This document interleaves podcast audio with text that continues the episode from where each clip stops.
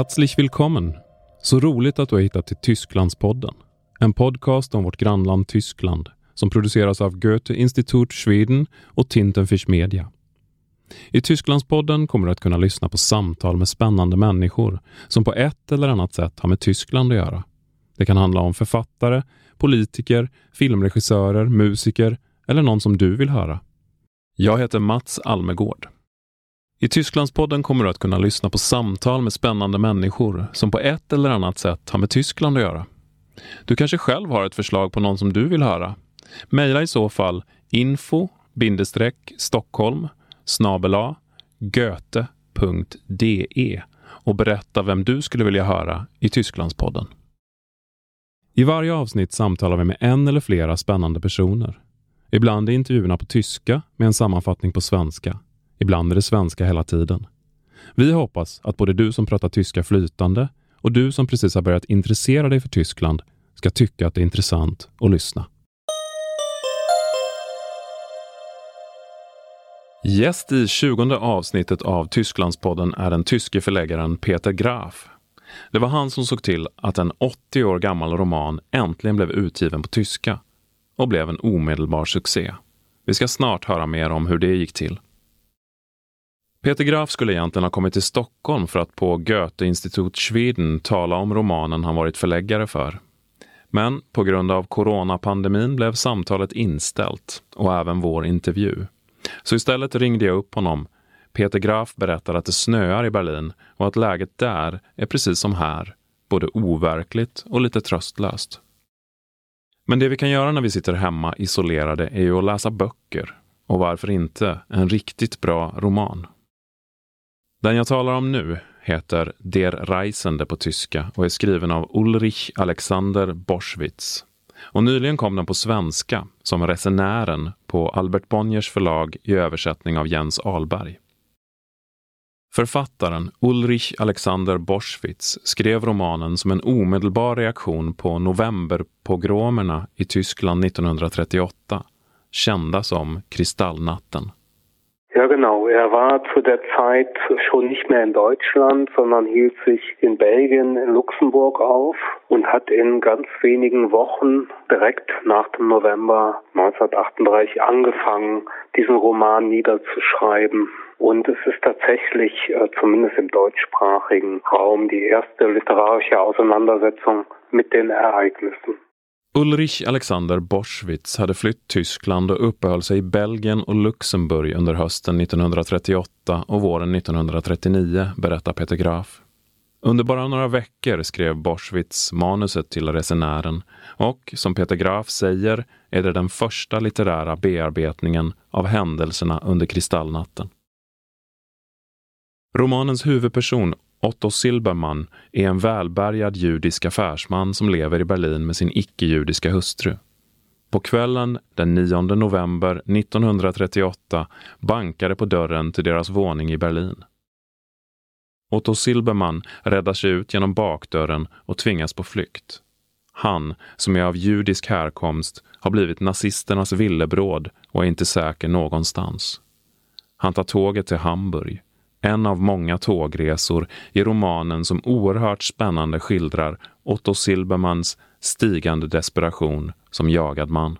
Ja, das ist natürlich ähm, ein Thema, das ihn unheimlich beschäftigt hat, weil er selber ja auch auf der Flucht gewesen ist und ähm, einer der Menschen war, die ab dem Zeitpunkt massiv verfolgt worden sind.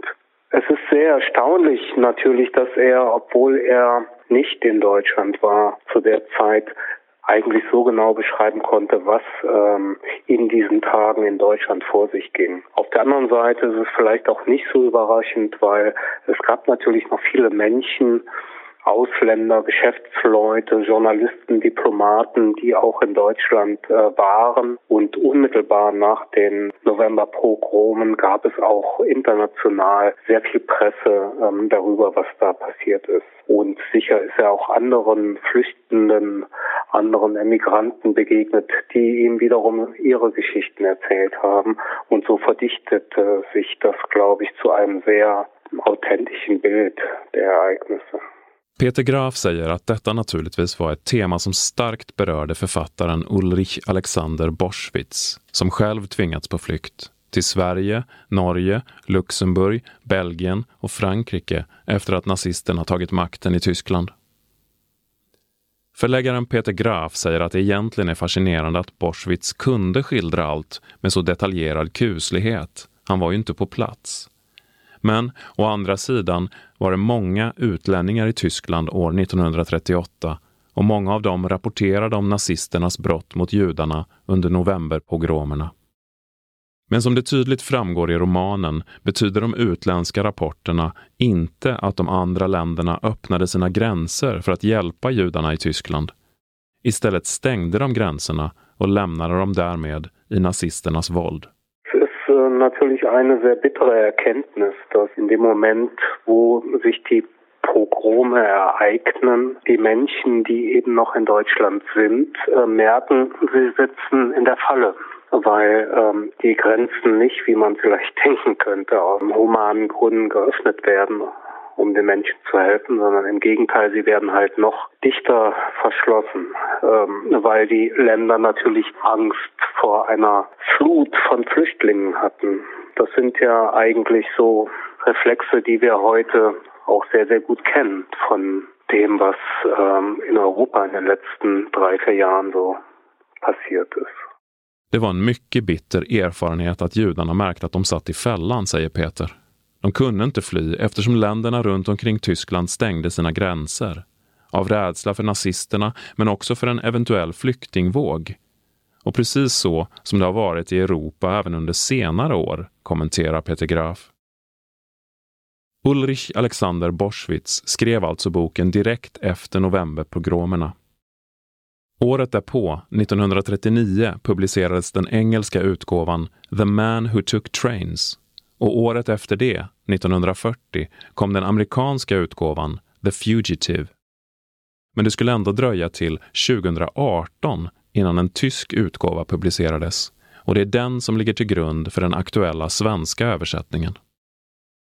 Det hela började med att Peter Graf var förläggare för en annan bok som skrevs under Weimartiden, Ernst Haffners Blutsbrüder när Peter Graf gav en intervju om den utgåvan blev han kontaktad av Ulrich Alexander Boschwitz systerdotter.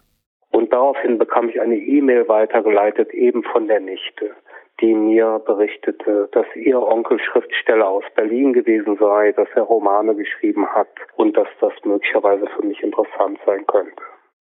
Rojella Schachaff Systerdotter till Ulrich Alexander Boschwitz hörde alltså av sig till Peter Graf och berättade om sin morbror, författaren som skrivit en bok som ännu inte kommit ut på tyska, men vars enda existerande kopia av originalmanuset fanns på Deutsche Exilarchiv i Frankfurt am Main. Das Exilarchiv ist äh, eine Abteilung ähm, der Nationalbibliothek, der Deutschen Nationalbibliothek in Frankfurt. Und dort äh, liegt halt das Originaltyposkript, das mit Schreibmaschine geschrieben worden ist. Und genau, das habe ich dann ähm, gelesen und ähm, danach dann entschieden, dass ich sehr gerne dieses Buch halt ähm, herausgeben möchte. Deutsches Exilarchiv i Frankfurt am Main är en del av Tyska nationalbiblioteket. Där fanns originalmanuset skrivet på skrivmaskin. Peter Graf reste dit och läste hela manuskriptet på en dag och sen visste han att han ville publicera det. Men innan han gav ut det ville han redigera manuset. Och det var ju lite märkligt eftersom det inte fanns någon författare vid liv som han kunde bolla idéer med. Ulrich Alexander Boschwitz dog nämligen den 29 oktober 1942 då passagerarfartyget Abosso torpederades av en tysk ubåt strax nordväst om Azorerna.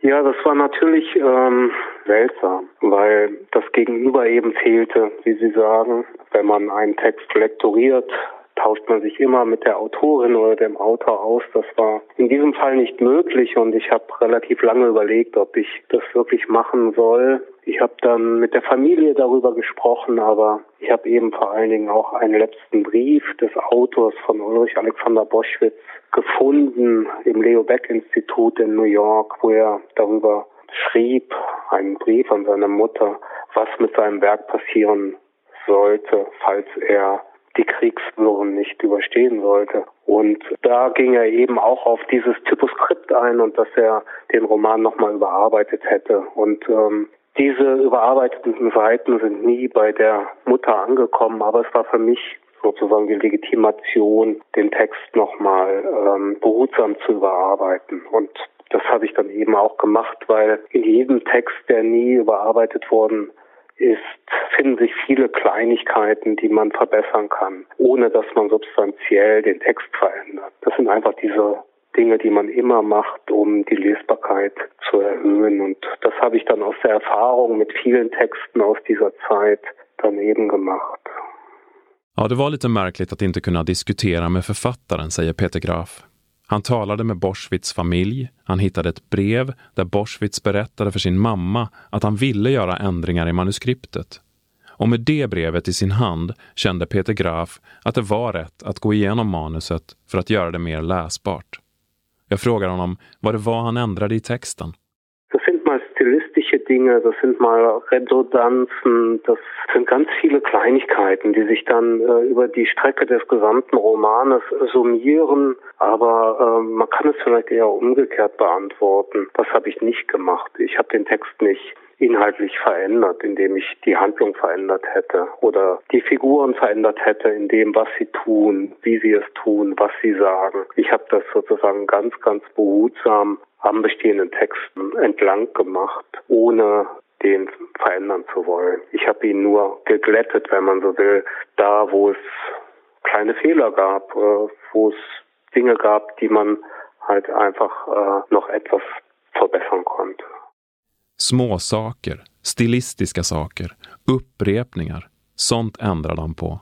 Men han rörde absolut ingenting som förändrade handlingen eller personporträtten.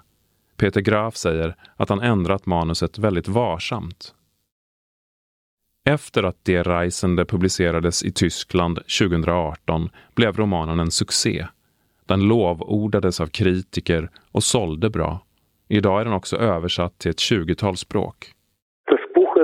Das hat mich auch tatsächlich in dieser Weise dann überrascht. Ist international tatsächlich ähm, sehr erfolgreich. Es ist jetzt in 20 Sprachen äh, übersetzt oder wird noch übersetzt. Und das ist natürlich schon ganz erstaunlich für, für einen Roman, der so alt ist. Und was mir klar war, dass Literatur deutschsprachige Literatur aus dieser Zeit international in bestimmten Ländern schon äh, von besonderem Interesse ist. Also in Frankreich, äh, in der englischsprachigen Welt. Aber dass es äh, auch Übersetzungen äh, ins Asiatische gibt. Ähm, es gibt eine chinesische, eine koreanische Ausgabe. In Osteuropa wurden viele Lizenzen verkauft. Das hat mich dann schon das hat mich dann schon sehr überrascht. Aber es mag zum einen einfach an der Qualität des Romans liegen. Es ist einfach auch ein wirklich sehr, wie ich finde, sehr gut geschriebener sehr beeindruckender Roman. Auf der anderen Seite hat es sicherlich damit zu tun, dass diese Problematik, die dort beschrieben wird, eben für unsere Gegenwart auch nicht, äh, ja, sie ist schon irgendwie ähm, präsent. Also diese Flüchtlingsproblematik in Europa seit 2015 und alle Fragen, die damit zusammenhängen und die natürlich auch die Menschen be beschäftigen, die mögen auch ein Grund dafür sein, dass man sich diesem alten Text zuwendet und sieht, aha, da gibt es einen Menschen, der wird verfolgt, bekommt er die Hilfe, die er braucht oder Ganz im Gegenteil, verschließen die Menschen die Augen äh, vor dem Schicksal dieses Menschen. Ich glaube, das spielt da alles mit rein, dass es so eine Relevanz in der Gegenwart gibt, die äh, dazu führt, dass die Menschen sich dieses Schicksal der Figur Otto Silbermann in Der Reisende genau ansehen. Peter Graf blev överraskad över att så många ville översätta boken.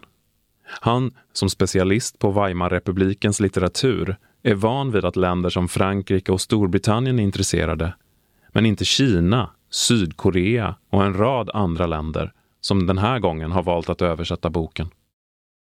Men, säger han, det beror troligen på romanens enorma kvalitet. Och jag kan bara instämma. Den är både spännande och rafflande och den är skriven på en glasklar prosa. Peter Graf lägger till att det säkert också har med tematiken att göra. Flyktingfrågan är ju lika aktuell idag som 1938. Att människor förföljs och inte får hjälp av andra är lika relevant nu som då. Det gör att många känner igen sig i huvudpersonen Otto Silbermans tragiska livsöde, menar Peter Graf. Vill man läsa ett skakande tidsdokument, en spännande roman om en flykting som blir mer och mer förtvivlad, då ska man välja Resenären av Ulrich Alexander Boschwitz. Och med de orden är det slut för den här gången.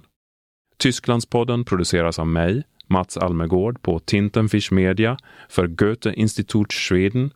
Ljudproducent är Andreas Tilliander. Vi hörs snart igen. Auf Wiederhören!